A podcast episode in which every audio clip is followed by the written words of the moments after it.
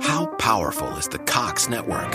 So powerful that one day the internet will let your doctor perform miracles from thousands of miles away. Connecting to remote operating room. Giving a whole new meaning to the term house call. Operation complete. The Cox network. With gig speeds everywhere, it's internet built for tomorrow, today. Cox, bringing us closer. In Cox serviceable areas, speeds vary and are not guaranteed. Cox terms apply, other restrictions may apply.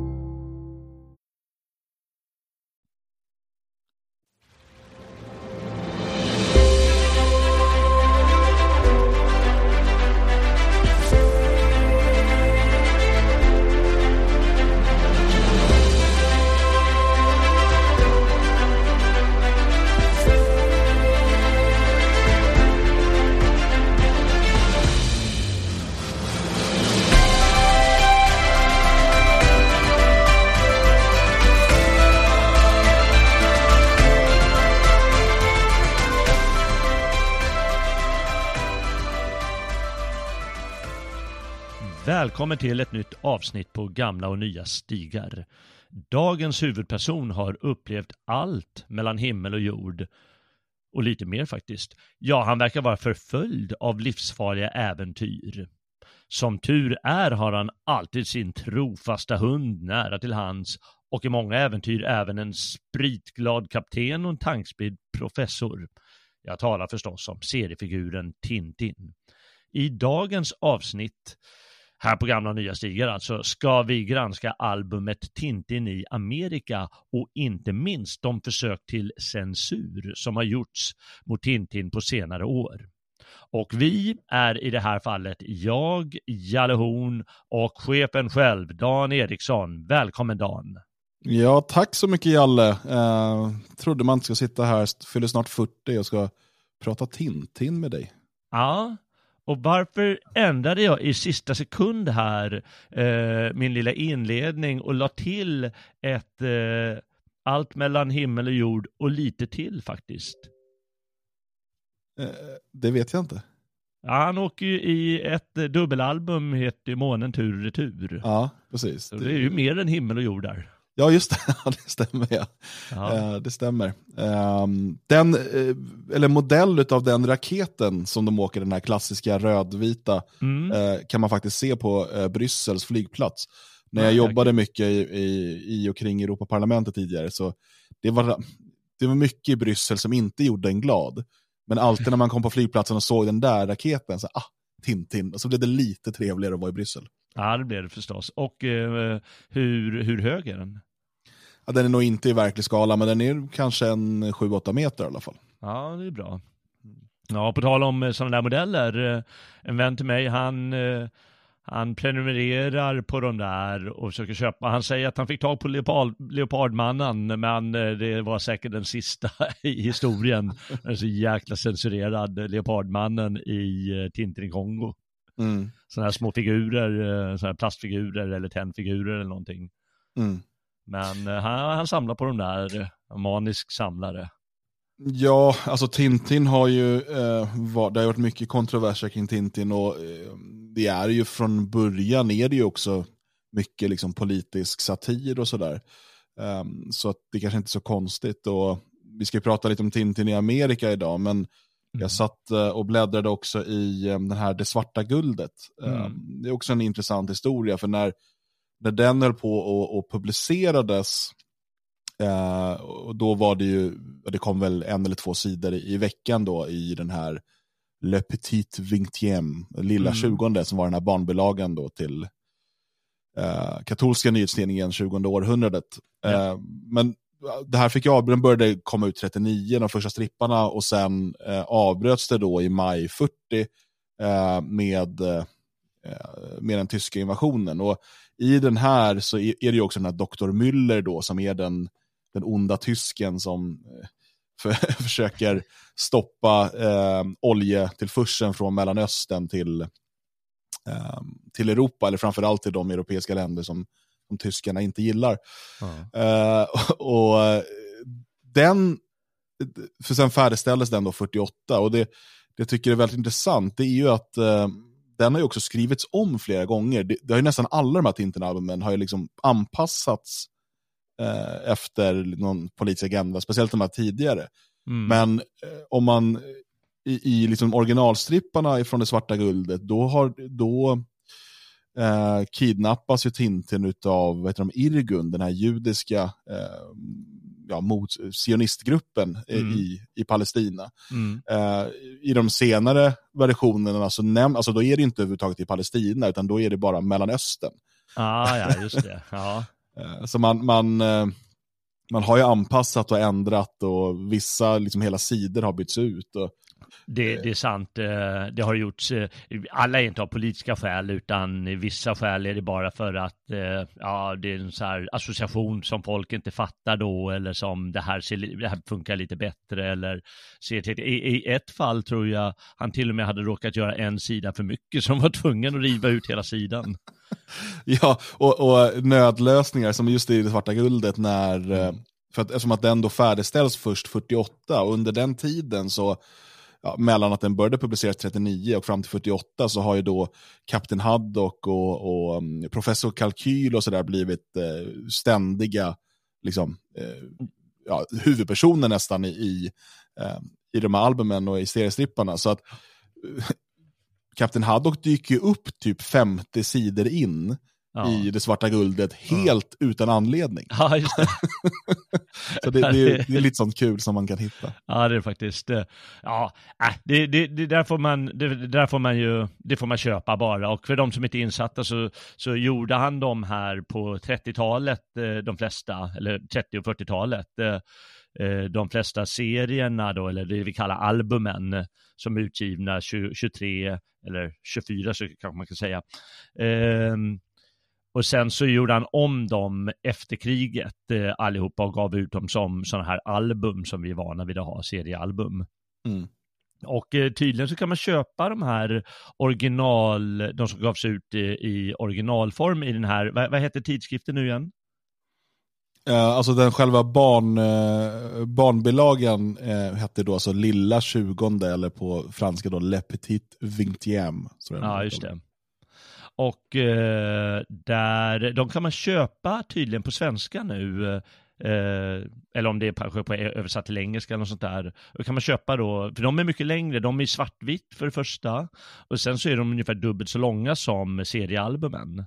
Mhm. Och då kan man tydligen eh, köpa dem på någon vänster. Eh, Gäller att passa på, för det brukar ta slut ganska fort sånt där. Tycker väl inte hur många ex som helst. eh, Och samlarna är ju maniska som sagt, inte minst när det kommer till Tintin.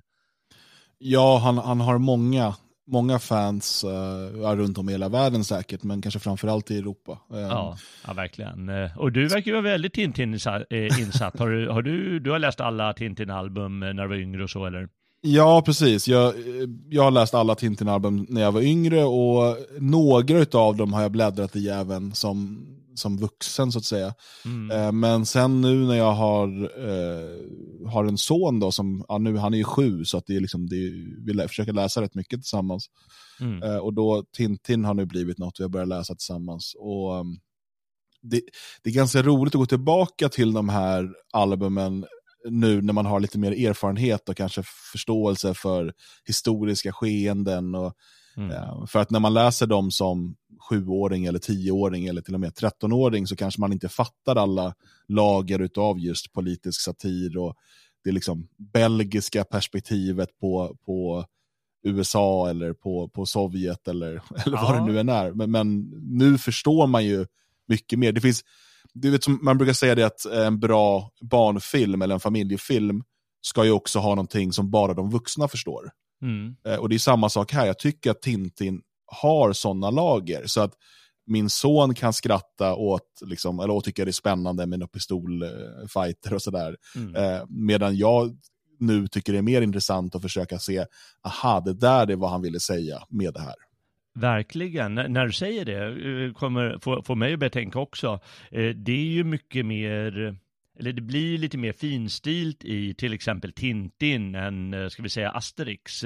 Asterix har förstås också väldigt många lager och vissa av dem upptäcker man kanske mer som vuxen, vissa aldrig, om att det är liksom lite lärd och, och sådär. Men där, den humorn är mycket mer drastisk och det, är liksom, det, det blir lite lättare att se de där, eh, vad ska jag säga, vuxenvinklingarna som du sa. Medan Tintin, då, då måste man liksom faktiskt tänka till och förstå, som du säger, historiska sammanhanget lite mer och det du sa i början om Palestina och så vidare. Mm. Det blir lite mer subtilt. Eh, eh, och äh, det är faktiskt häftigt att man upptäcker sånt som vuxen. Så det, det, det är ett bra tips att läsa de här, särskilt som du säger med barnen. Det är därför vi tar det här avsnittet också, för du sa att du läser Tintin i Amerika med din son just nu, mm. sa du för någon vecka eller två sedan. Och då tyckte jag det var kul att göra det här programmet, särskilt som jag fick mina Tintin-album tillbaka från Svenskans hus. nu alldeles nyligen, vilket gör mig väldigt glad och kan gå och läsa om dem. Och jag kämpar med min son, men han vägrar just nu, jag vet inte varför, men jag tror så fort man börjar läsa till exempel just Tintin i Amerika som är väldigt, väldigt fartfylld, då fastnar han nog väldigt, väldigt fort tror jag. Ja, och, och det kan ju kännas då som, som vuxen att man tycker att så här med seriealbum, det är väl, det är väl något för barn. Men man måste ju också se i vilken tid de här skapades och vilken kraft eh, de här seriestripparna hade då. Mm. Just Tintin i Amerika, det finns ju lite av en förlaga i eh, eh Hergés, eh, de här första böckerna eller stripparna han gjorde eh, som hette Totor. Mm. Um, som är lite av en förlaga till, eh, till Tintin. Det, han ser väl ut som Tintin fast utan den här kalufsen. Där han är, där han är scout eller? Precis, och Hergé var ju själv eh, scout. Och, och, så, så är den här scouten, och han åker ju också till Amerika och träffar indianer och sådär. Mm. Eh, och det var ju det han ville göra med Tintin, eh, även i den här strip, de här stripparna då. Men eh, chefredaktören eh, på den här katolska tidningen där han arbetade tyckte att det var mycket viktigare att belysa eh, maffiaverksamheten. Eh, det här var ju under förbudstiden i, i Amerika och sådär. Mm. Eh, så att vi kommer ju komma in på storyn här snart, men, eh, men eh, så det fanns ju en politisk vilja från chefredaktören att ja. nej, men strippen bör fokusera på liksom korruptionen i USA. Just det. Ehm, så att, så att man, det är inte, bara för att det är eh, eh, liksom en, en serietidning, en tecknad serie, så är, behöver det inte betyda att det bara är för barn, utan mm. det här användes ju som politisk eh, propaganda kan man säga. Alltså, ja, det kan man säga. Och om inte annat så en, en positiv vinkling av det egna genom att visa avigsidor i, i till exempel Amerika. Ja. Det blir det indirekt. Ja men, det, ja, men det kommer vi komma in på sådana saker. Men nu måste vi ta den viktigaste frågan av alla. Vilket album är bäst? Jag, jag funderade faktiskt på det här lite innan och, och satt och gick igenom albumen och tittade på dem och sådär. Jag, jag måste säga att jag måste först nog läsa igenom dem en gång till mm. i vuxen ålder för att verkligen kunna säga det. Men jag minns som barn ja. så hade jag väldigt starka eh, känslor för solens tempel. Och jag vet mm. inte varför, men jag tyckte den var så spännande. Och jag ja. ser också att det är den mest bläddrade, eh, den, den är nästan helt förstörd, albumet. Ja.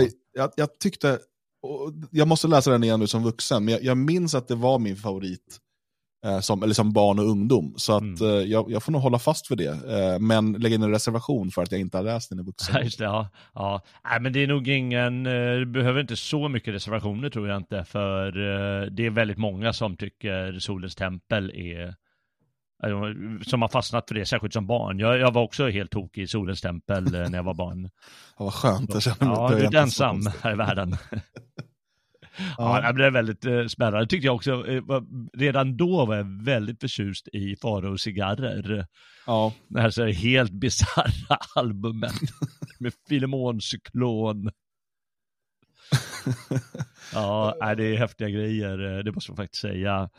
Tintin i Amerika tyckte jag också redan om som barn och en vän till mig, han sa att eh, hans killar, det är deras favoritalbum. De, de har dem som, eh, vet det, Eh, talkshow, eller på att säga, eh, som inspelad mm. hörbok eller sånt. Eh, och de lyssnar på det hela tiden. Ja, och det är, och det är ju... Den är nej. väldigt fartfylld och mm. det, det, går ju knappt en sida utan att han, de, ska, de ska ta livet av honom. Ja, det är ju liksom, det är uh, gaser och falluckor och det är allt möjligt ja, hela tiden. Det finns allting man vill ha som, som barn.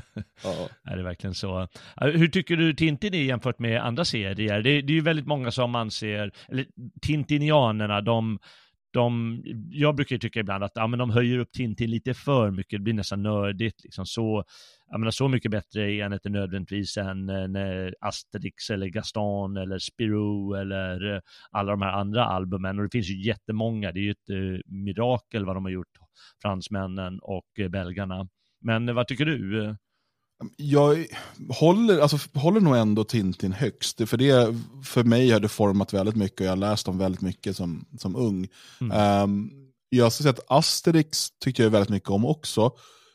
Och Asterix har jag nog läst mer i vuxen ålder så att säga. Mm. Uh, och uppskattat mer. Det är nu, som sagt, Tintin har jag hittat tillbaka till nu tack vare min son. Men Asterix har jag ju gått och, gått och läst alltså, i, i 20-årsåldern. Uh, för att det um, Kanske att jag då var mer intresserad av liksom, den historiska epoken också, även om det såklart är ren fiktion, men det finns ju liksom, historiska, eh, det finns ju också ganska mycket som, eh, ja, vissa historiska paralleller och så vidare som eh, det går att hitta spår av sanning i. Eh, medan eh, det här 1900-tals ehm, temat i, i Tintin kanske inte var så intressant för mig i, i 20-årsåldern. Men jag, jag, jag, håller, jag håller nog ändå Tintin högst. Det, det ja. är måste jag nog göra. Det, om inte annat så är ju det lite av pionjären för det här eh, lite se, seriekonstmiraklet från Frankrike och Belgien. Mm. För det är ju väldigt, väldigt många, det är inte bara de här allra största, utan det finns, eh, det är bara att börja kolla upp lite så kommer man hitta mer och mer.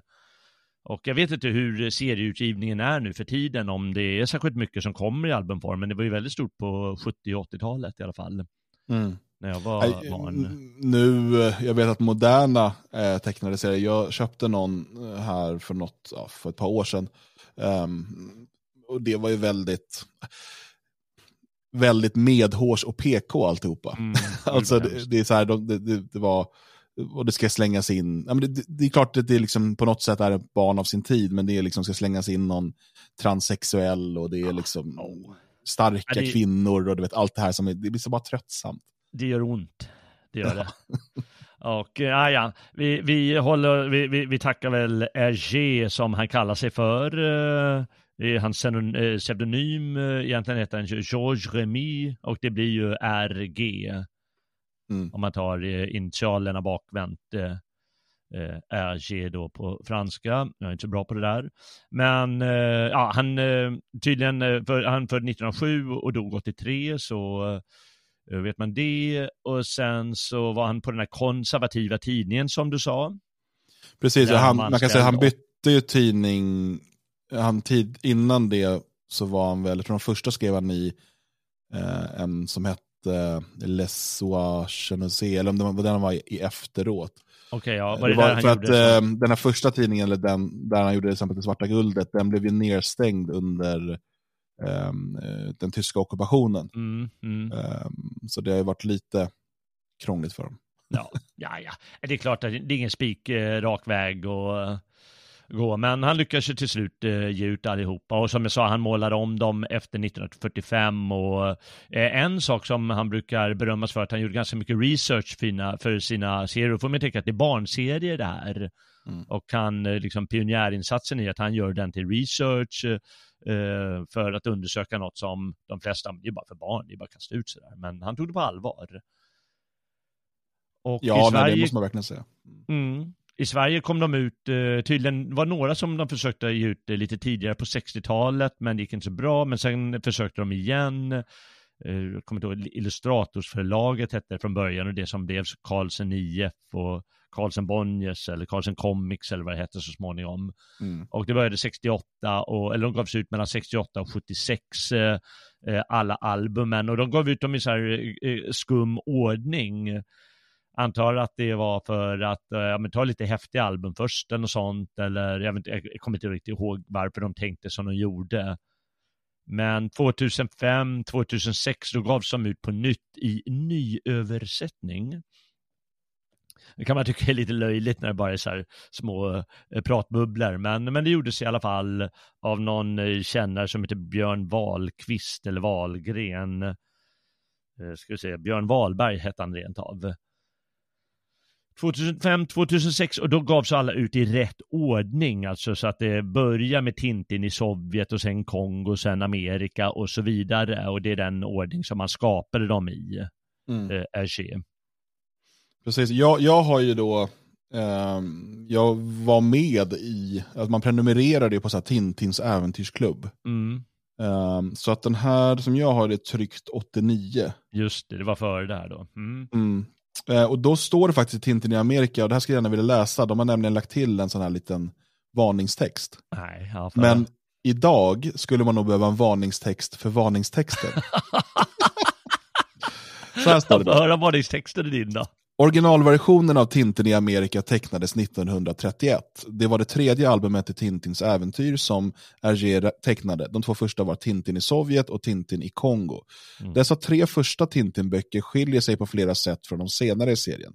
För det första har de ingen genomgående handling utan består av en serie episoder som endast har huvudpersonen och platsen gemensam. Dessutom är de de enda av Hergés böcker som har ett uppenbart politiskt innehåll. USA och Sovjetunionen får bägge ordentliga sparkar medan negrerna i Kongo får nöja sig med ett par nedlåtande klappar på axeln. Hergé står inte längre för alla de åsikter som kommer till uttryck i dessa tre böcker och det är meningslöst att anlägga politiska värderingar på dem. Mm.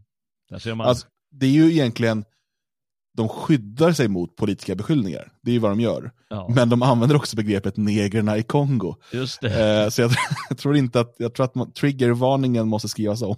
Eller triggervarningen ovanför den triggervarningen som du sa.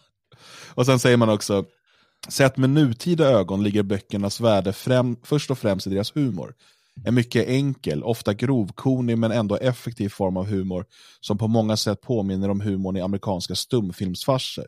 Mm. Och böckerna har naturligtvis samma lockelse för barn och vuxna med barnasinnet i behåll som stumfilmerna, även om både böckerna och farserna hör till och ger uttryck åt en annan sedan länge svunnen tid.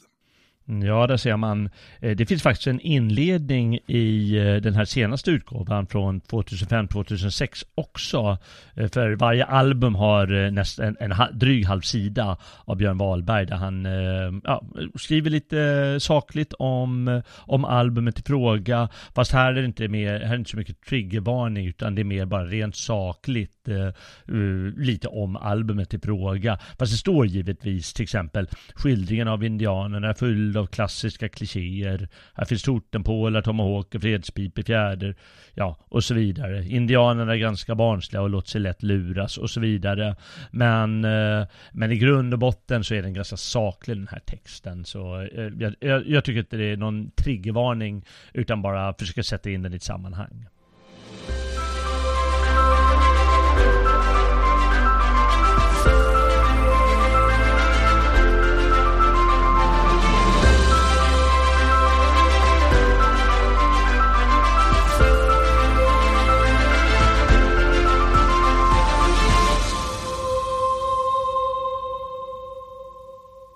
Och eh, är det, vad, är det för nummer på det där albumet? 20 eller?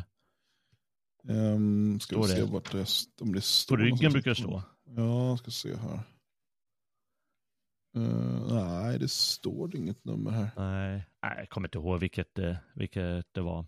Jag har de nya här, uh, ny översättning, mm. men uh, ja, det, kan ju, det kan ju vara detsamma. Det är i alla fall album nummer tre och Eh, det är som du säger, de tre första albumen är lite annorlunda, de är inte liksom lika bra som, alltså lika, lika välgjorda kan man säga, som de som kom senare. Men jag tycker redan i Tintin Amerika hittat, han hittat hem lite grann. Mm. Eh, Tintin i Sovjet den är lite spretig och eh, tecknarmässigt är den lite ofärdig. Han gjorde, jag tror inte, han gjorde inte ens om den. Den kom i alla fall inte ut i de som kom 68 till 76 i Sverige. Nej. Jag vet inte om han gjorde om den helt när han gjorde om alla album. Men den kanske inte var, Sverige var inte redo för den mellan 68 och 76. Ja, så kan det vara. Sverige, det, det, var alldeles för Sovjetkritisk antar jag. Ja. Uh, men den är i alla fall lite, lite ofärdig känns det som, inte minst tecknarmässigt. Och, och Tintin i Kongo, album nummer två, den är så mycket slapstick och så mycket knas och, och det, det, har inte heller något regelrätt äventyr så. Eh, Nej. jag tycker den är väldigt, väldigt rolig och underhållande, det måste jag verkligen säga.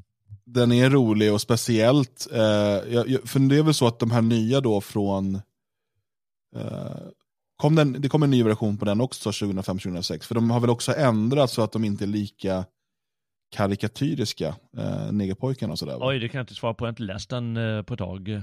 Nej. Ja, det får vi ta ett eh, nytt avsnitt. Eh. Men sen eh, Tintin Amerika, den har ju också liksom en historia som, alltså berättelsen är, det är liksom varje sida håller en på och, och, och dö som, som vi sa. Eh, På något sätt, det blir lite för mycket av det goda. Medan senare, de är lite mer välgjorda handlingen i de senare albumen. Ja, precis. Alltså, det är ju redan i första scenen. Alltså direkt när han landar i Chicago, Ja. eh, eller kommer med tåget. Ehm, så eh, det första som händer är att han blir kidnappad i en, i en taxi för att de Ja, ska verkligen. döda honom. Liksom. Ja. Ja, som du säger. Och inte nog med att chefen eh, vill eh, till varje pris ha fokus på gangstrarna. Han, det här var ju, Tintin ville ju själv göra om Amerika först, men då tvingades han att göra ett om Sovjet och ett om Kongo först. Sovjet för att eh, svärta ner kommunisterna. Mm. Och det kan man ju fatta, liksom en eh, borgerlig konservativ tidning, eh, i absolut värsta de kan tänka sig, bolsjevikerna. Mm. Och eh, Kongo eh, sägs det att eh, det var för att han ville liksom ha en lite positivare eh, syn på, på Belgiens, eh, Belgien och Kongo. Mm. Där finns det ju i originalstripparna så håller till exempel ehm, där, Tintin står i ett klassrum och Ja. eh, föreläser för eh, skolbarnen, de kongolesiska skolbarnen och så säger han ert, ert, ert fosterland Belgien. Eh, Ja, det har de ju ändrat sen i senare, men Ja, det är det han på ska med lära dem. matteuppgifter eller någonting. Ja, precis. har de ändrat Ja. till sen. Ja. Ah, ja. Eh, typiskt för alla album är ju, de är ju spännande liksom. Det är ju, även om den här är extremt fartfylld då, men de, eh, de har ju den här spänningen, för det är ett äventyr och man håller på att dö eller händer eh, ska säga, lite drastiska, drastiska saker och så är den här situationskomiken som kommer igen med jämna mellanrum och den är lite väl mycket i den här också. Menar, han håller på att hänga, de ska försöka hänga honom och Milou, hunden alltså, två gånger. Mm. De, de misslyckas både att liksom få hans fot i huvudet och en massa knas. Jo, ja, det, det är ju, och det, det är ju där det betyder också att det, den delen är mycket för barn. Eh, för det märker jag med grabben när vi läser att ja, han skrattar och pekar och liksom, det, det är ju väldigt roligt. Um, Mm. Medan man själv söker liksom, det här tar inte historien framåt, precis, det är lite sådär. Han, han, redan i början här så, så blir han ju upplockad av en gangster med bilar och sådana här eh, luckor för fönstren och så. Mm. Och eh, då så råkar bilen få punktering. Mm. Och eh, då måste han laga den skurken. Tintin är inlåst där i, i bakdelen. Så han tänker det är lugnt nu, laga punkteringen. Men eh, då har han eh, lyckats såga upp neddelen, eh, vet du, golvet, Tintin, och krupit ner. Och då har han liksom en såg i, i resväskan, eller vadå? Det är så himla konstigt. Det är så himla konstigt. Och det är liksom sådana där brister som vi vuxna säger, jaha, men vad han såg, var kommer den ifrån? Och sen det är också underliga, för sen då, eh, då kommer det en polis på en, en motorcykel, eller två stycken med sina sidovagn och sen eh, ja, men följ efter den här eh, boven, han har försökt kidnappa mig. Eh, och så när de kommer fram då och står och ja, pratar med den här taxichauffören då, då träffas plötsligt den här taxichauffören i huvudet av vad då? Jo, av en boomerang. Det är också så här, inte det australiensiskt? Det är så Ja, precis. jättekonstigt att det kommer in, att det skulle vara det. Och det är så här maffian då som är ute och jagar folk Mm. med boomerang. Med bumerang, ja. Oftast har de ju pistoler ska vi säga. Eller, eller så här, eh, eh, det? Kulsprutor eller något sånt. Ja, ja, precis. Det är också en sån där sak kan man säga om Tintin i Amerika. Det är ju det enda albumet där RG eh, använder namnet på en riktig person. Ja, just det. Al Capone, eller? Ja, precis. Al Capone är ju då eh, skurken här tillsammans med vad heter han, Bobby Smiles som är påhittad. Bob då. Smiles. Mm. och det är också roligt att de använder eh, såna amerikanska hälsningsfraser hela tiden. Just det, ja det, det, det har de. Ja, det är sant, det är roligt. För, de, för den som inte har läst eh, albumet och eh, inte intresserar sig för serier men ändå tycker att det är lite roligt att, att lyssna på oss eh, så kan vi bara säga att han kommer till Amerika och han har på något sätt fått uppdrag, han är egentligen journalist Tintin va, men han har väl något uppdrag att han ska ta itu med gangstrarna lite.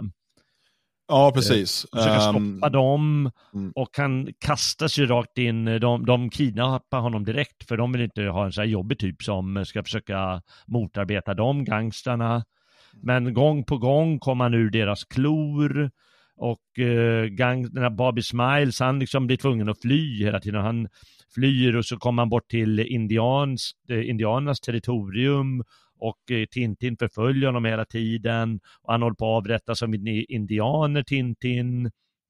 Han är med om tågkrascher, ja. för det är ju liksom ändå en tid då, då de hade byggt ut tågnätet där västerut, eh, amerikanarna.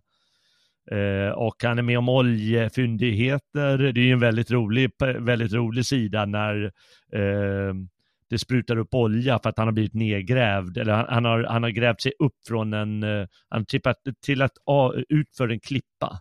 Mm. Och sen så hittar han en gång så kan han krypa igenom där och så ska han, eh, kom, har de satt en sten för hålet eller något sånt där. Och då så hittar han, råkar det bli en oljefyndighet som han råkar släppa loss och så sprutar upp olja och då så spring kommer amerikaner från höger och vänster och ska skapa, affärer. Mm. Och så säger han, nej men det är inte jag som äger det här, får ni gå och fråga indianerna om. Och så går de till indianerna och erbjuder så här 20 dollar istället för 100 000 dollar. Mm. Och i nästa strip står det en, en timme senare, ja de börjat bygga en stad. Två Mm. timmar senare, då har de eh, byggt klart alla fabriker. Och nästa dag, eh, då är det en hel stad där. Och Tintin går cowboyklädd. Och så frågar han, bort med dig, vi har inte tid med en jävla eh, maskeradverksamhet här. Ja, precis. Ja, det, det, är ju, det är ju en eh, sa- samhällskritik. Eh, utan att på tre timmar senare, då har de öppnat Petroleum Bank. det det är jänkarna liksom. De är kvicka på det här med pengarna. Men har du tänkt på vad eh, staden heter där indianerna bor? Nej, vad heter den? Redskin City. det är ett jäkla skönt namn. Ja, det, är, det är lite, eh, inte helt PK i vår bisarra tid. Ja. Nej, jag skulle vilja faktiskt eh, läsa en konversation som jag tror inte, eh, från sidan 19, när, när Bobby Smiles är då på flykt undan Tintin eh, som har trasslat in sig i ett lasso. Mm. Eh, och eh, stöter då på indianerna, de står i ett bakhåll. Mm. Och då säger Bobby Smiles, jäklar, rödskinn, hur ska jag krångla mig förbi här? Eh, och så säger han då till indianen, Häll, mäktiga hövding, må fridens liljor blomstra. Hövdingen svarar, Häll, blekansikte, vad gör du här på svartfötternas jaktmarker? Bobby Smiles eh, förklarar då sen och, och berättar att Tintin är eh, ond och sådär. Så får han då Mm. indianer att vända sig mot Tintin. Men just det här, häll, blekansikte eh, och svartfötternas jaktmarker. Och, Ja. och sen börjar hövdingen då förklara för sina vänner där. Blekansiktet med runda ögonluckorna har förberett oss på faran. Han är välkommen till svartfötterna. Den stora anden må lysa hans väg. Och så, ska de, så kommer ju då, så måste det så fort bli lite fars igen då. Så att då ska de ju gräva upp stridsyxan. För när Ja. man inte vill ha krig så gräver man ner stridsyxan. Men de hittar ju inte stridsyxan och de kan inte gå i krig. Nej. De inte får gräva upp stridsyxan. Och det slutar med att eh, Bobby Smiles, ja, han blir förbannad och sticka därifrån. Och då snubblar han på stridsyxan. Just det. Och det har ju alla, det, det är förstås, det kommer komma in på det med, med censuren, att eh, det är många som har retat sig på det där, att han, han gör dem som eh, svarta, de svarta i Tintin i Kongo, att de är så naiva och korkade indianerna ungefär, och så här dumma och löjliga.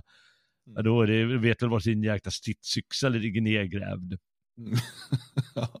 Men eh, ja, vi kommer väl in på det, eh, det snart. Eh, Men det, det, är, det, är många sådana roliga, som, som för oss idag med vår PK-tid, som sen den här nyöversättningen, den har ju också så här, skriver ju rödskinn och blekansikte och så förstås. Eh, Så tycker många att det är besvärande idag när det har, skruvarna har skruvats åt så jäkla hårt. Mm.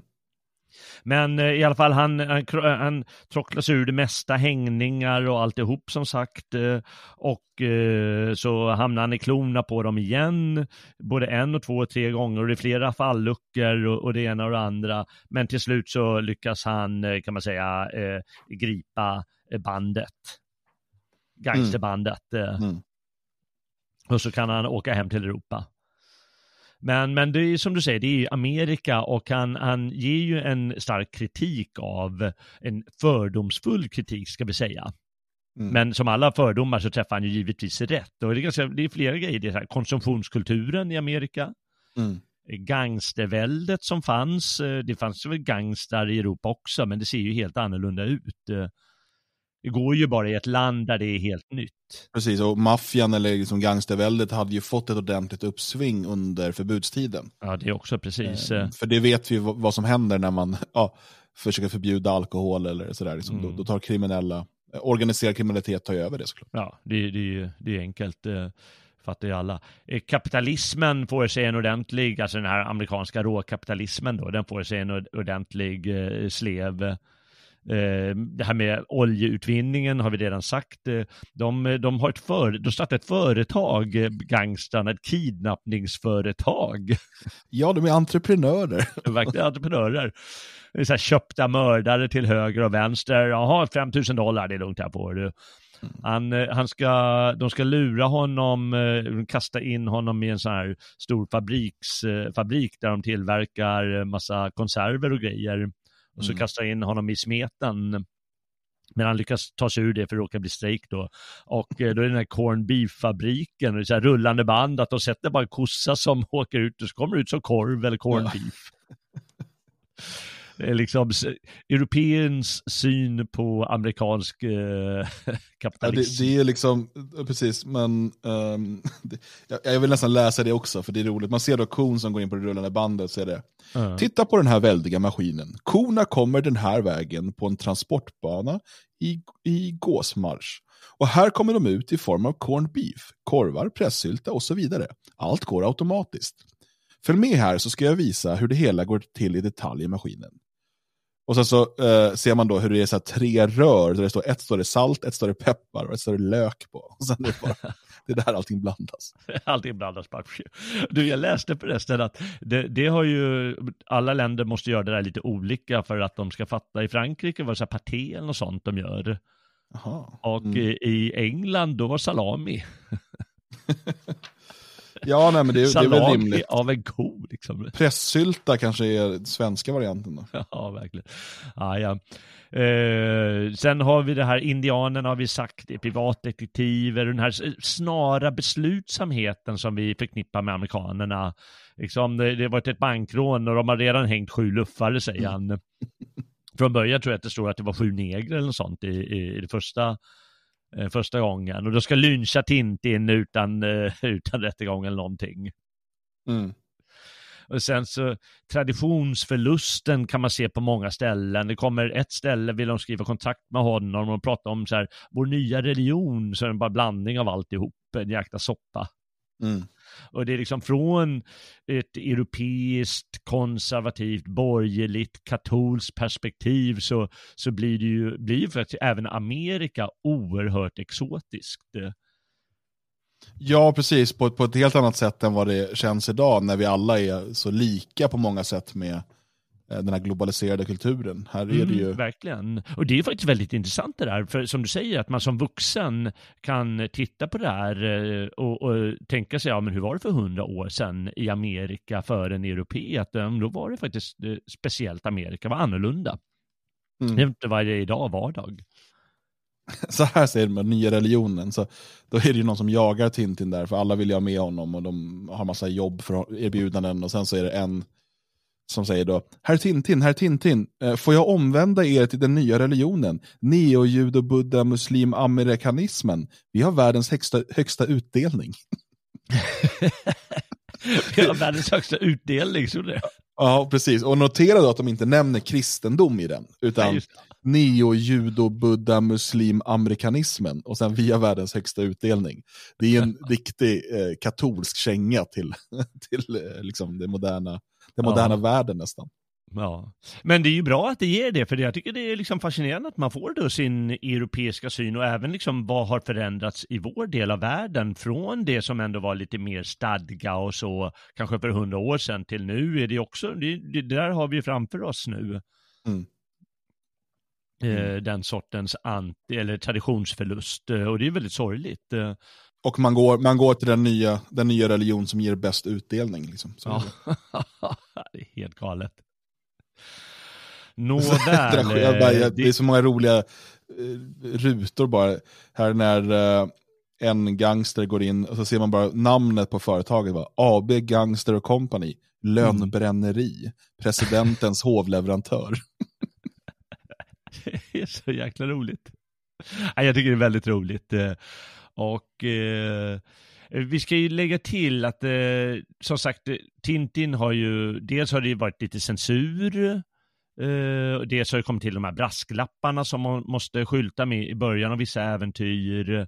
Och dels har det varit olika försök att eh, dra hela Tintin eh, eh inför åtal och förbjuda helt eh, och en massa olika grejer. Och just i det här albumet eh, så, så ska vi faktiskt säga att han har ändå, han brukar försvaras Tintin, att i grunden så tar han ju indianernas sida. Mm.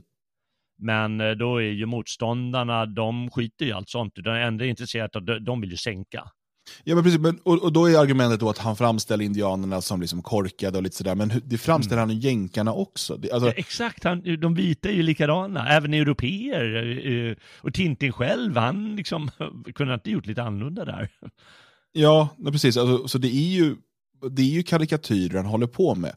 Mm. Eh, men det är väl då man har den här idén eh, som, är, som är helt idiotisk, det här med att du får aldrig då på något sätt eh, teckna eller eh, driva med ett annat folk. Mm, eh, precis.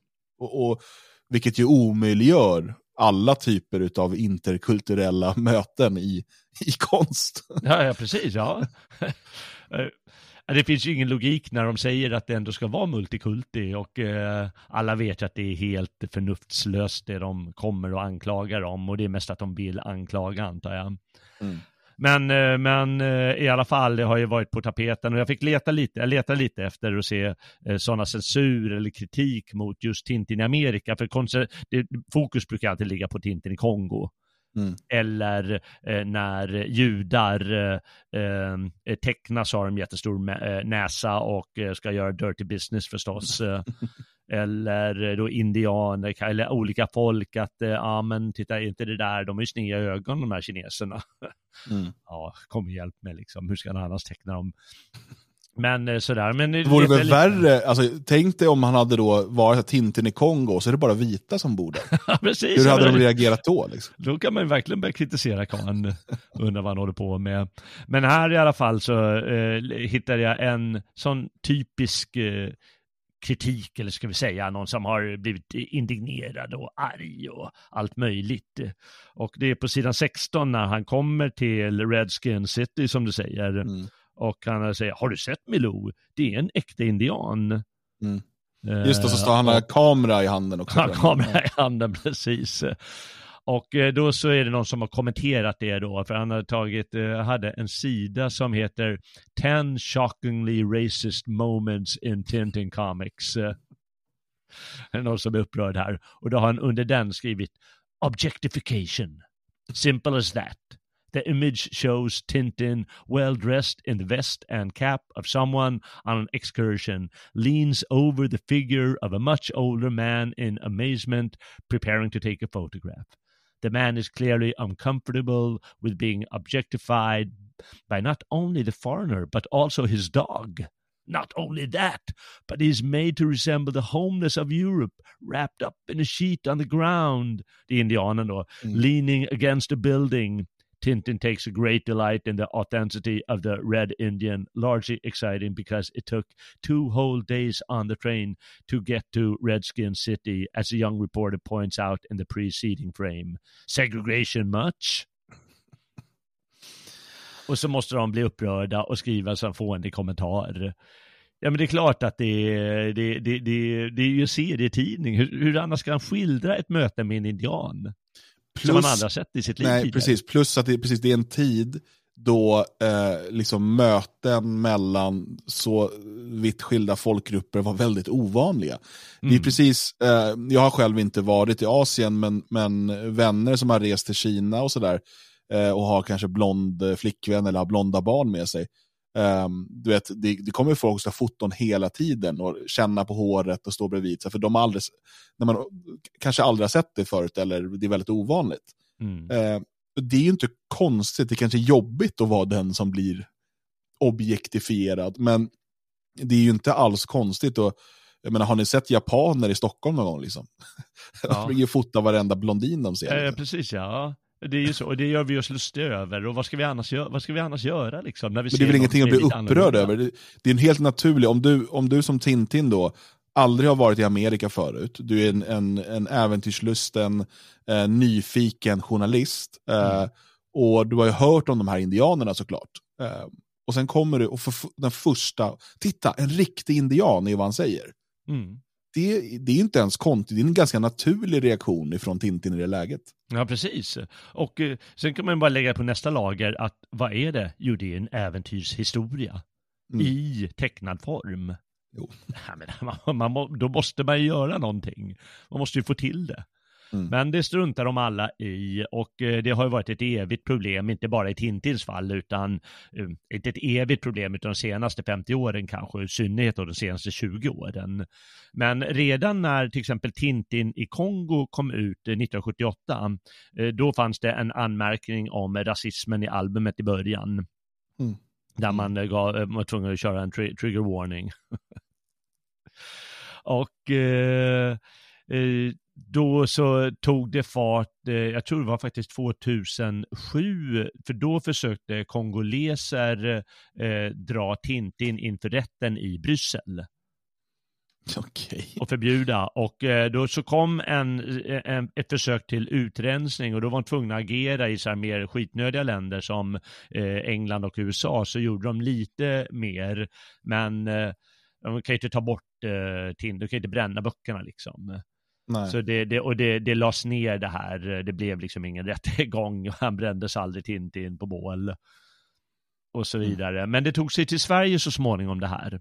Mm. Och det var 2012 och, och, nu har jag bara citerat från Wikipedia.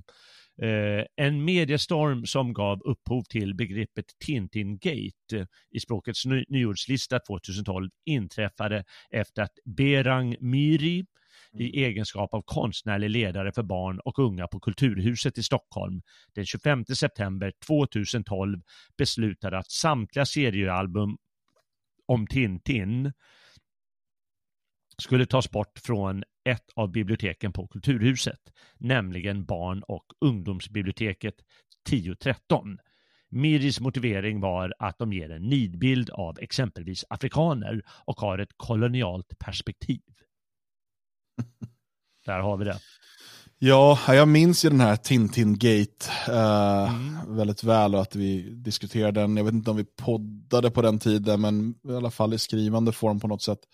Uh, det måste vi ha gjort. Uh, 24 mars 2012 var det premiär för Radio Framåt. så det, det, kan nog mycket väl ha varit då. Just det. men Berang Miri fick ju ganska bra stöd ifrån liksom, kultursverige och sådär, att det här var helt rätt. De här, de här ska inte synas. Eh, och han gick ju vidare sen och var med i Melodifestivalen och sådär. Men de senaste fem sex åren har man inte hört någonting ifrån honom, jag vet inte. Alltså okej, okay, ja, nej det har man inte. Jag hoppas att han har eh, flyttat till eh, Kongo eller något. Ja, eller hem till Iran bara.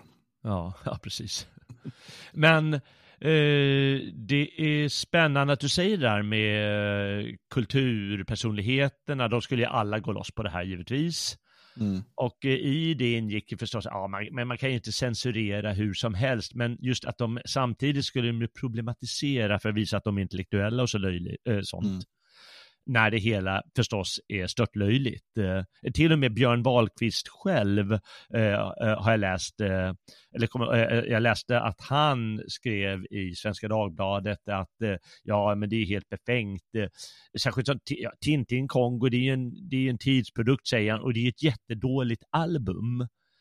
Till och med Mm. han ska liksom svärta ner det hela och säga att kritiken är befogad, men man kan inte hålla på sådär. Mm. Och problemet i det här fallet det är att eh, om, man, om man googlar det där och så får man upp en massa vanliga bloggare. Och de skriver ju alla till störtlöjligt. Det, det, det, där- så här kan man inte göra, då måste man censurera allting. Det är bara slä, bränna allting av Astrid Lindgren, det är bara bränna han på Grönkulla, Kulla Gulla. Det, det är bara att köra på totalt bokbål. För det Mm. går inte att göra så, för allting kommer vara rasistiskt och det här är bara fånigt. Bara lägg ner hela verksamheten eh, med försök med censur. Mm. Men kultureliten skiter i vad folket tycker. Mm. Och de ska Men- ändå köra på. Mm, och det ska säga också, hela den här Tintin-gate, eh, det som är intressant med den, det är ju det, det är ett missförstånd också lite grann det där att det skulle handla om bara Tintin i Kongo. Utan Beramiri flyttade ju då, han tog ju bort alla. Tintin-album eh, från, eh, så att barn inte skulle, alltså från barnavdelningen då. Mm. Ehm, men eh, man tog ju upp då Tintin i Kongo som exempel, han tog själv upp det då som, som rasism. Eh, och han beskriver då Tintin som en serie där, citat, afrikaner är lite dumma medan araber sitter på flygande mattor och turkar röker vattenpipor, slutcitat. Ja. Um, vilket då kan bara påpekas att flygande mattor har aldrig förekommit i Tintin. Så han har inte ens, uppenbarligen inte ens öppnat albumen, utan bara bestämt sig innan. Ja. Det är ju... Det är otroligt. Det, det, vi ska ju säga att det, det, han, eh, han satte dem ju på plats igen efter några dagar redan. För han insåg att han fick inte med sig eh, den folkstorm han, han önskade eller kultureliten tillräckligt mycket. Det var tillräckligt mycket som, ja men sådär kan man inte hålla på, Mm. sa man. Även om de som sagt problematiserar och, och vad de nu vill, de ville hålla på och säga så här fina grejer, att det på något sätt skulle kunna vara legitimt. Men eh, han, han var tvungen att, att lägga tillbaka alla album igen så att även barnen kan läsa det. Men det är viktigt det där med, tycker jag, att det är barn. För alltså, målet är ju att ändra de unga. Mm. Och om du kan ändra de ungas syn, då kommer de för det första vända sig mot föräldrarna och det är väldigt jobbigt att vara förälder i det läget. Och för det andra så kommer de i framtiden, så kommer man att förbjuda Tintin. Man kommer Mm. bara säga, för ungdomarna kommer säga, men det är ju rasistisk smörja, vad ska vi med det till? Mm. Det har ju Berang sagt till oss. Och, och det är ju det som de här, ja, de kallar sig själva för progressiva, eller vad man nu vill se sig som, eh, vänstern i någon, i någon eh, liksom, väldigt förenklad mening.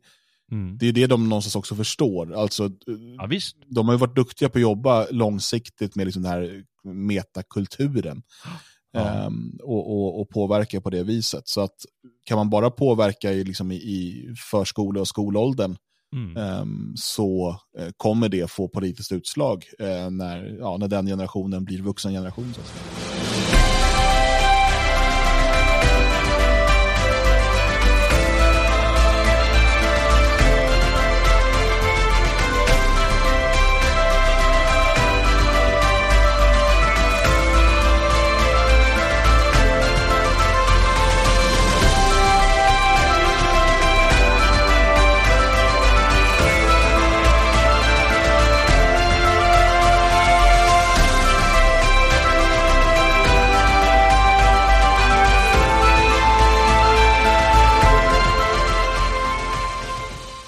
Ja det blir det.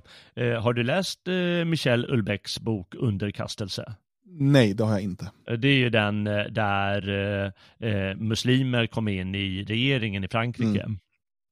Jag, jag är bekant med det, men jag har inte läst den. Och då säger det här muslimska partiet, vi vill bara ha en ministerpost. Och det är utbildningsministeriet. Mm. Det är det enda de är intresserade av. Ja. Det är ju det är ju förstås skitsmart. Och så får de det. Och kan alla fatta hur det, hur det kan sluta. Mm. För man ger sig på barnen. Och eh, det ska ju tilläggas att eh, samtidigt eh, som det här pågick, eh, jag tror att det hade börjat redan tidigare, då gav man sig ju på den här Stina Biséns eh, eh, figurer. Och då koncentrerar man sig på det här, någon som heter Lilla hjärtat. Jag har inte läst de där böckerna, har du gjort det? Nej, jag har sett bilderna och inte alls förstått upprördheten. Nej, nej precis ja. Ja men hon målar ju ett fa- eh, blackface eller vad det heter. Och det är jättehemskt. Ja. Mm. Ja, men det, det, det är ju inte ens ett blackface. Alltså, Nej, nej. Det är ju, man ser vad man vill se. Ja, Liksom. man ser vad man vill se. Men henne knäckte de ju. Mm. Och eh, hon drog ju tillbaka allting, eller om det var förlaget som till slut knäckte henne. Men i grunden var det den här stormen och det var några som var väldigt, väldigt på tydligen. Eh, har hon sagt, eh, har jag läst i efterhand, har hon sagt i alla fall. Att det var några stycken eh, så här, från afroafrikanska, afroafrikanska Ja, vi, vi jag kallar det gärna för det. Förbundet eh, som eh, var på och skrek och eh, hela tiden skulle det på. Och då ska man ha klart för sig att om den här Berang hade lyckats med Tintin i Kongo, om man, Mm. liksom, om han i alla fall hade sagt, ja men vi låter dig eh, sortera ut Tintin i Kongo i alla fall, för den är för långt. Mm. Då kan du ju förstå, då hade han kunnat fortsätta processa och sen har han sakta men säkert fått album efter album. Absolut, för du har ju då satt någon typ av um, um, prejudikat. Liksom. Alltså där, det. där du kan då här, för att om det är fel att barn då läser det för att det är någon stereotypisk bild eller överdriven eller felaktig bild av ett annat folk, Mm. ja, då, då, då, ja, men då går det ju vidare dels med Tintin-albumen, men sen måste, ja, alltså Asterix ryker ju också, det, det är ju Ja, självklart. ja, nu och sen eh, kan du ju börja läsa Strindberg och du kan börja läsa, eh, jag menar, Chan, Chandala eh, kan ju, Ja, det går ju inte att ha. finnas någonstans. Nu är inte det en barnbok, men, men jag menar, idén blir ju densamma, att om du ska liksom rensa ut allt som, inte, alltså, som du inte gillar eller som du inte tycker är Ja, ja, representativt eller sådär, då, då, då en, öppnar du ju en riktig fallucka. Alltså. Ja, verkligen. Du är som gangstrarna i, i Tintin Amerika. Det Ja. bara fallucka på fallucka där. Det är livsfarligt. Och du sa ju förut att eh, den här idén i, de här nya, i den här nya rasteorin eh, som eh, cirkulerar, de kallar väl kritisk vithetsteori eller något sånt bland Ja. annat. Mm. Där ingår det ju att eh, en, en vit person, han får inte uttala sig i konstnärliga sammanhang, till exempel om eh, svarta eller som det heter i Tintin Amerika, rödskinn Mm. eller eh, bortrasiater eller vad som helst. Han får inte göra det. För då så kommer han med sitt eurocentriska perspektiv eh, och sin vita hy som är snev, gör att hans hjärna är snedvriden. Då kommer han uttrycka sig gravt rasistiskt eh, och eh, i längden leder till gasläger. Mm. Det är ju det det går ut på det här. Ja, precis. Och, men men eh, svarta får ju till exempel ta jättemycket kritik av vita och sådär. Och Ja, lägga sig i hur vita lever och så. Men, men, Men, men då är min fråga, är det något Tintin-äventyr som eh, går att eh, återge då? Om man har den bilden, om, de, om man har de kraven. nej, för att det är väl i varje, i varje album träffar han ju ett annat folk. Liksom. Ja, precis. Det bygger ju på den exotiska idén att han reser i andra länder, upplever andra kulturer och andra folk och, eh, och så vidare. Och att han är journalist, utlandsjournalist då.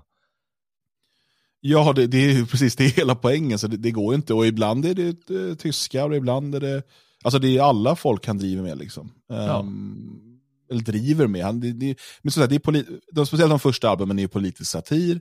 Och Mm. sen har det ju, liksom, det blir ju en viss karikatyr som det alltid blir i serietidningsformat. Det är inte, han är inte, Hergé är inte en, han är inte realist liksom. Det är inte det han håller på med.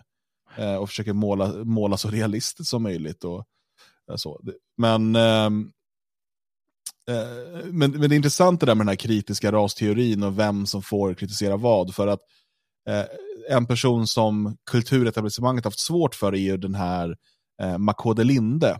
Ja, just det. Eh, Ja. Konstnären, han som bland annat då gjorde den här tårtan som Mm. eh, Lena Adelsohn Liljeroth skar i och sådär. Ehm, och han har ju hållit på, han, han fortsätter ju använda begreppet neger och, och sådär i, i sin konst och Mm. haft utställningar som ja, förvirrar eh, folk väldigt mycket för att de kan inte riktigt komma åt honom. De har ju försökt även från afrosvenskarnas, eller vad de heter, Riksför- riksförbundet där, liksom Ja, att, just det. att Ja. han skulle då ha en vit blick. Det är det han har, han har en vit blick, ja. på det svarta. Det, Vad är det liksom? Kan du förklara det där? Så, Jag, jag vet var det kommer ifrån. Det kommer från eh, konstteori. Eh, och i konstteori då, då använder de ett begrepp som heter den manliga blicken. Och det är konstnären hur han eh, ritar att kvinnorna ser sensuella ut och så. Och så glömmer man bort att de är människor som alla andra som inte bara är sexobjekt. Så det är den manliga blicken som då har blivit den vita blicken hos Mm. Jakob Linde. Precis så. eh, Negerkungens återkomst hade en utställning som hette Ja, för några år. Ja, sedan. jag och då, då blev det ju väldigt många som blev eh, upprörda och sådär. Och, men då har ju han sitt privilegiumkort där. Han säger, men jag är ju svart, jag kan. Ja, det han, han har ju han har ju gatan fri på det sättet. eh. Men, men när det gäller eh, Tintin igen så det, blir, det är så befängt den här sortens kritik. Alltså Mm. Tintin, han talar med sin hund och hunden talar med honom tillbaka. Jag menar, det är ju en serietidning, det är ju fantasier alltihop. Det är klart att det, allting är ju löjligt i, eh, i Tintin om man vill. Mm. Och så går man in på sån här fånig som att dra in seriösa rasistiska eh, eh, tankar i det hela. Det är ju ett roligt album. Och någon gång måste man inse att vad är det vi pratar om? Ja, Alltså skulle någon sån där modern eh, människa få rita Tintin idag så skulle det vara 50 sidor av att Tintin är en duktig journalist. Han sitter på kontoret och läser Wikipedia. Det, är typ, det, är man, det gör 50 sidor i rad. Det är bara att sitta vid en dator och, och läsa Wikipedia. Ja. Det är väl typ vad journalister gör idag. Men, men det hade varit helt omöjligt. Eller, för att hur de än hade gjort det här, vi säger att han hade åkt till Amerika och eh, inte kallat dem för indianer, han hade kallat dem för ursprungsinvånare och sådär. Mm. Och, eh, sådär då hade det ju, och han liksom hade typ dyrkat dem då, eller det här, du vet, de är de fina och goda och sådär. Då hade det ju varit, det är fortfarande exotifiering, det är fortfarande allt det här. Så, att, så fort du överhuvudtaget talar om ett annat folk som ett annat folk, då blir du beskylld för exotifiering. Ja. Så, så du, du kan ju omöjligt att komma ur den knipan. Och det är lite det som är meningen också med hela den här eh, moderna eh, kritiska rasteorin. Och så där. Att det, det ska liksom bli omöjligt eh, att liksom ens diskutera de här sakerna. Um, framförallt då för vita människor att göra det. Ja, det, det är klart. Eh, eh, när du framställer konst, eller liksom när du egentligen bara pratar, helt vanligt, varje mening du kommer, då kommer du liksom skapa typer, generaliseringar. Och även i Tintin är ju en, liksom en generalisering och en typ även han. Och eh, då tänkte jag på en sak i Tintin Amerika, att de kritiserar ju att eh, eh, indianerna utmålas eh, som liksom enkla typer här. De är naiva, de är lite korkade, de är så typiska, de har sina konstiga eh, huvudbonader och man, eh, man gör det så enkelt när man framställer dem. Men samtidigt så kritiserar ju vänstern gärna västerlandets individualism och säger det är någonting dåligt, det där individualismen som finns i, i västerlandet. Och det liksom visar att vad man än gör, som du sa nu, så är det omöjligt. Mm. Allting är dåligt som du, Dan, framställer. Mm. Eller varje gång du uttalar dig, då är det dåligt. Då är det någonting som är fel på dig. Mm. Och det är förstås som du säger, det är deras, eh, det, det är förstås tanken att de alltid ska kunna anklaga Mm. och bara kunna kritisera.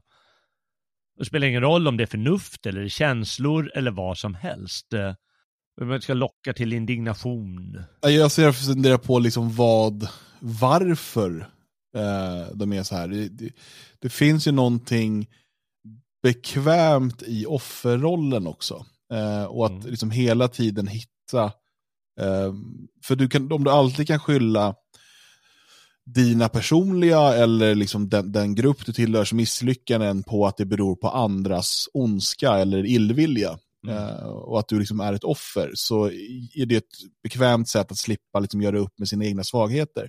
Mm. Eh, och jag tror att det där är någonting som har liksom tagits flera varv Eh, och, och till slut hamnar i den här galenskapen där, där liksom det blir att vad eh, då framförallt vita heterosexuella män som då är liksom högst upp eh, på någon typ av förtryckarskala eh, liksom vad de än gör så är det förtryckande och till och med i syfte att förtrycka de som är under på den här skalan. Och allra längst ner är väl liksom svarta kvinnor i rullstol som är transsexuella, lesbianer och, så här. Så mm. då är man, de är förtryckta hela tiden och så finns det olika steg på det där. Mm. Nej, det, det, det, är säkert så. Jag satt och funderade också över den där frågan och funderade om den här censuriven, som vi kan, kan kalla det för, för den, den kommer ju den kommer ju upp varje år. Det är alltid någonting som eh, kultureliten stör sig på, eller någon innan, och så blir diskussioner om det med jämna mellanrum. Ibland är det Tintin, ibland var det den här lilla hjärtat, ibland är det något tredje och fjärde. Och undrar om det är liksom någon sorts längtan efter tabun.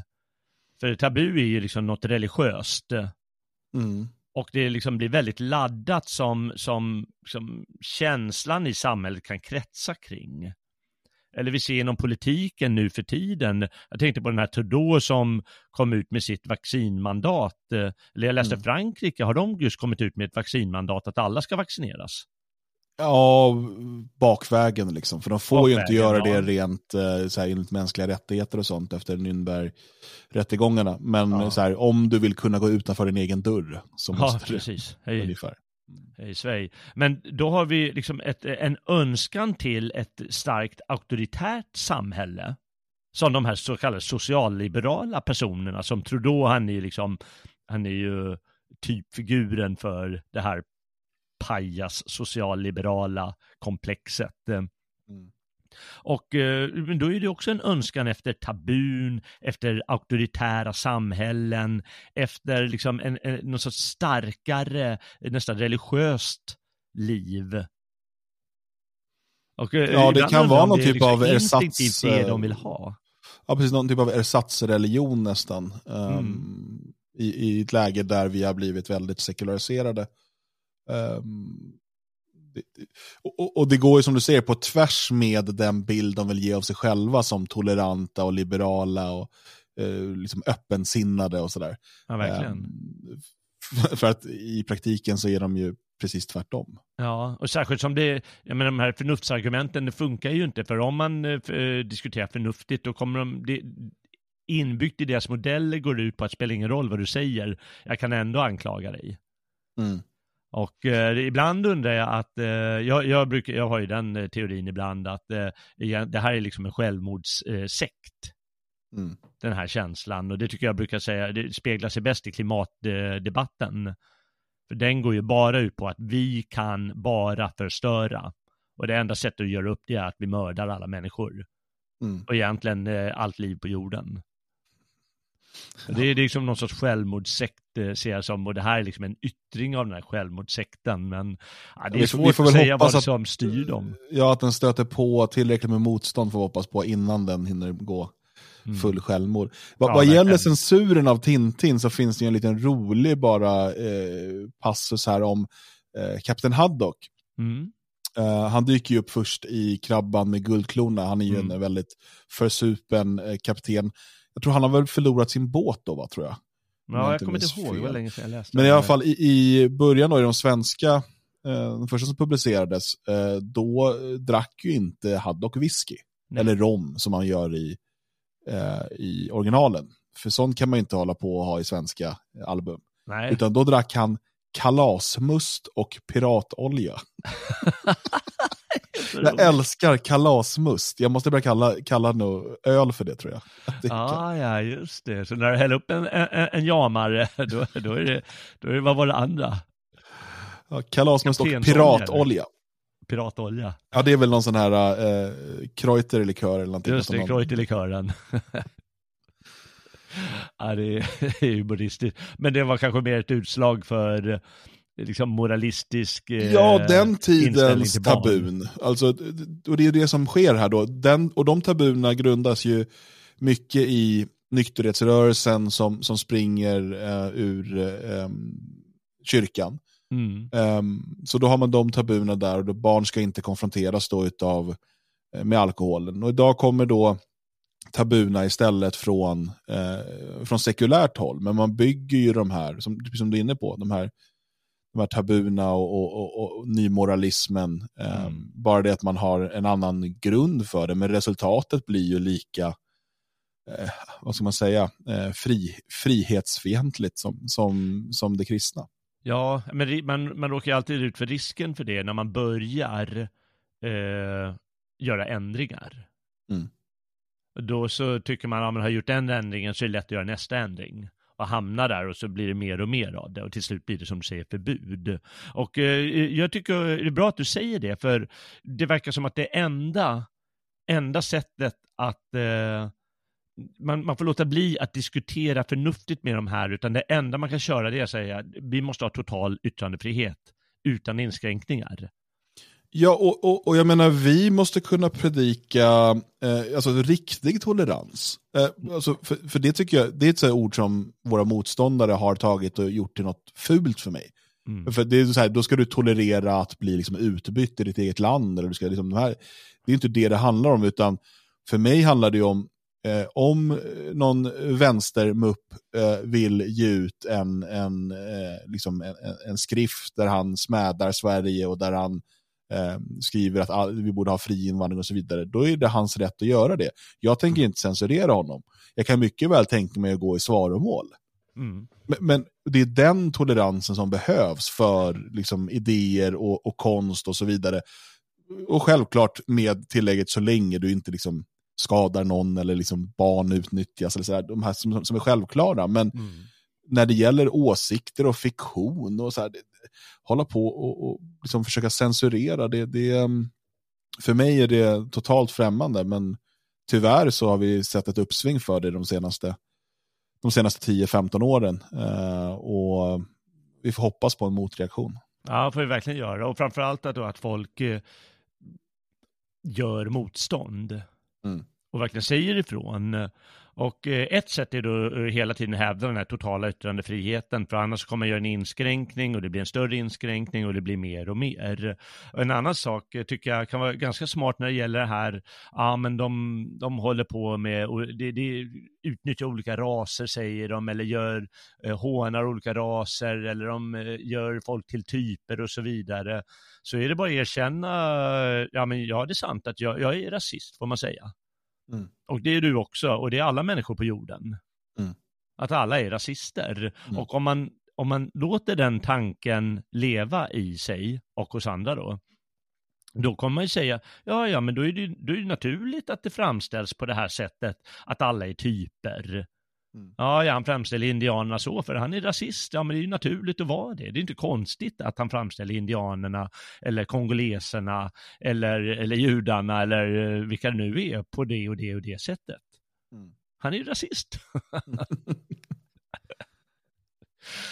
ja, Rasist, ja, visst. Så enkelt löser vi allt. ja, så enkelt löser vi allt. Ja, Det gör vi.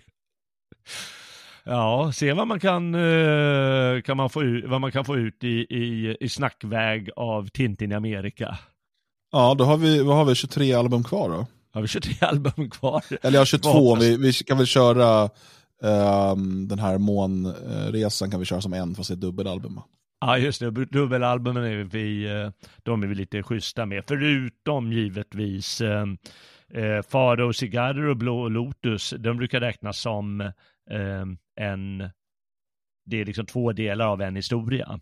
Mm. Och Faro cigarrer, den måste jag köra ensam. den är för bra. Och det gäller ju även eh, Solens tempel.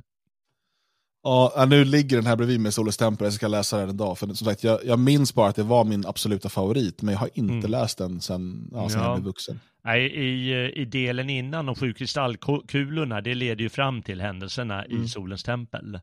Även om det fungerar som ett, eg, som ett eget äventyr. Mm. Och sen har vi ju också Enhörningens hemlighet eh, och Rackham den röde skatt. Eh, Just det. Det kanske också kräver varsitt avsnitt. Jag vet inte. De gjorde ju en ny animerad Tintin ehm, för Mm. något, ett gäng år sedan. Ja, Steven Spielberg tror jag. Ja, precis. Som jag tyckte var väldigt välgjord. Ehm, och den kändes väldigt trogen. Man, hade, man märkte att de hade utgått ifrån serierutorna. Just det. Eh, och hela tiden, för man, det var väldigt mycket man kände igen hela tiden. Mm. Eh, väldigt välgjort. Men, och det skulle komma fler, men, men det verkar bara ha blivit en än så länge. Det kanske inte... Kommer inte in tillräckligt mycket pengar kanske. Ja, för det var ju enhörningens hemlighet då, så det hade Ja, man ju det. behövt uh, Rackaren den röda skatt. Va? Ja, men jag tror att det bygger på både enhörningens hemlighet, den heter det, enhörningens hemlighet, men jag tror eh, den även använder Rackaren den röda skatt och eh, Krabban och guldklorna eller något sånt Ja, där. just jo så var det ja, de tryckte in det där, ja. det har du helt Ja. rätt i. De kastat in Ja. lite allt möjligt. Men, men den var, jag tycker också den var underhållande. Det får- ju bli helgens filmtips. Ja, ja det är ju, om man inte tycker om att läsa serietidningar eller inte har tillgång till dem så är det ju ett... Uh,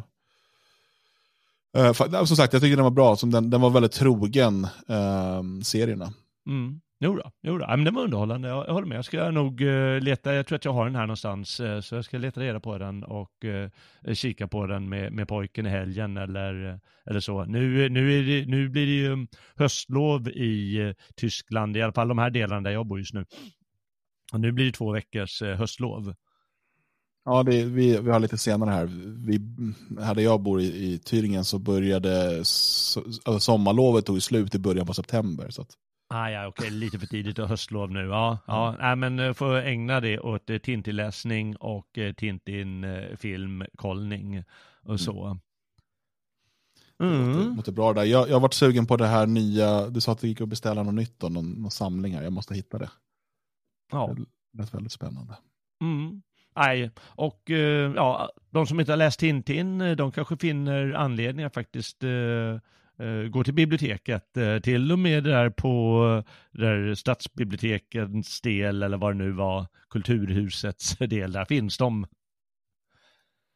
Så det är bara att gå och låna om ni, eh, om ni har ett bibliotek i närheten, annars kan man ju köpa dem. De finns väl i inbunden form numera, kan tänka mig, för samlarna. Ja, säkert. Eh, och jag vet att det ibland, om man vill ha någon äldre utgåva, eh, så brukar de här dyka upp på Tradera och liknande sajter ganska ofta. Ja, precis.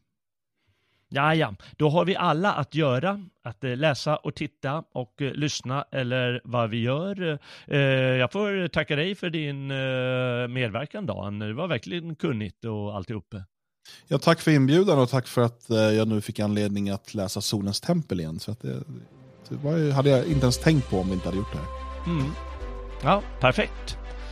Eh, tack också du som har lyssnat och följt med på eh, gamla och nya stigar den här gången. Eh, särskilt du också som är stödprenumerant på Svegot. Och om du inte redan är det, men uppskattar vad du har hört, så får du gärna stödja oss på Svegot genom en stödprenumeration eller en donation. Och då går man enklast in på svegot.se och klickar sig fram den vägen. Det går inte att misslyckas tror jag. Sprid också gärna det här programmet bland vänner och bekanta. Då bidrar du till lite ökad bildning och glädje i världen, tänker jag mig, och framförallt till bevarande av vår tradition av kunskap, konst, serieteckning och allt vad det heter. Jag heter Jalle Horn och tackar för uppmärksamheten den här gången. Jag hoppas vi möts på nästa vandring. Tills dess, väl mött frände.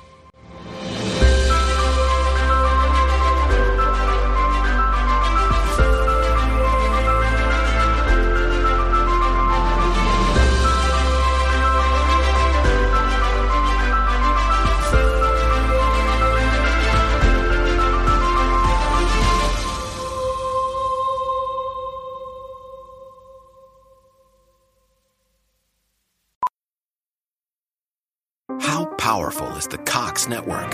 So powerful that one day the internet will let your doctor perform miracles from thousands of miles away, Connecting to remote operating room. giving a whole new meaning to the term house call. Operation complete. The Cox network, with gig speeds everywhere, it's internet built for tomorrow, today. Cox, bringing us closer. In Cox serviceable areas, speeds vary and are not guaranteed. Cox terms apply, other restrictions may apply. Now is the chance to use reliable energy to grow your money with the Dominion Energy Reliability Investment. Our new investment product offers competitive returns, no maintenance fees, and flexible online access to your money. Make the reliable investment in reliable energy. The Dominion Energy Reliability Investment. To find out more, go online to reliabilityinvestment.com. That's reliabilityinvestment.com.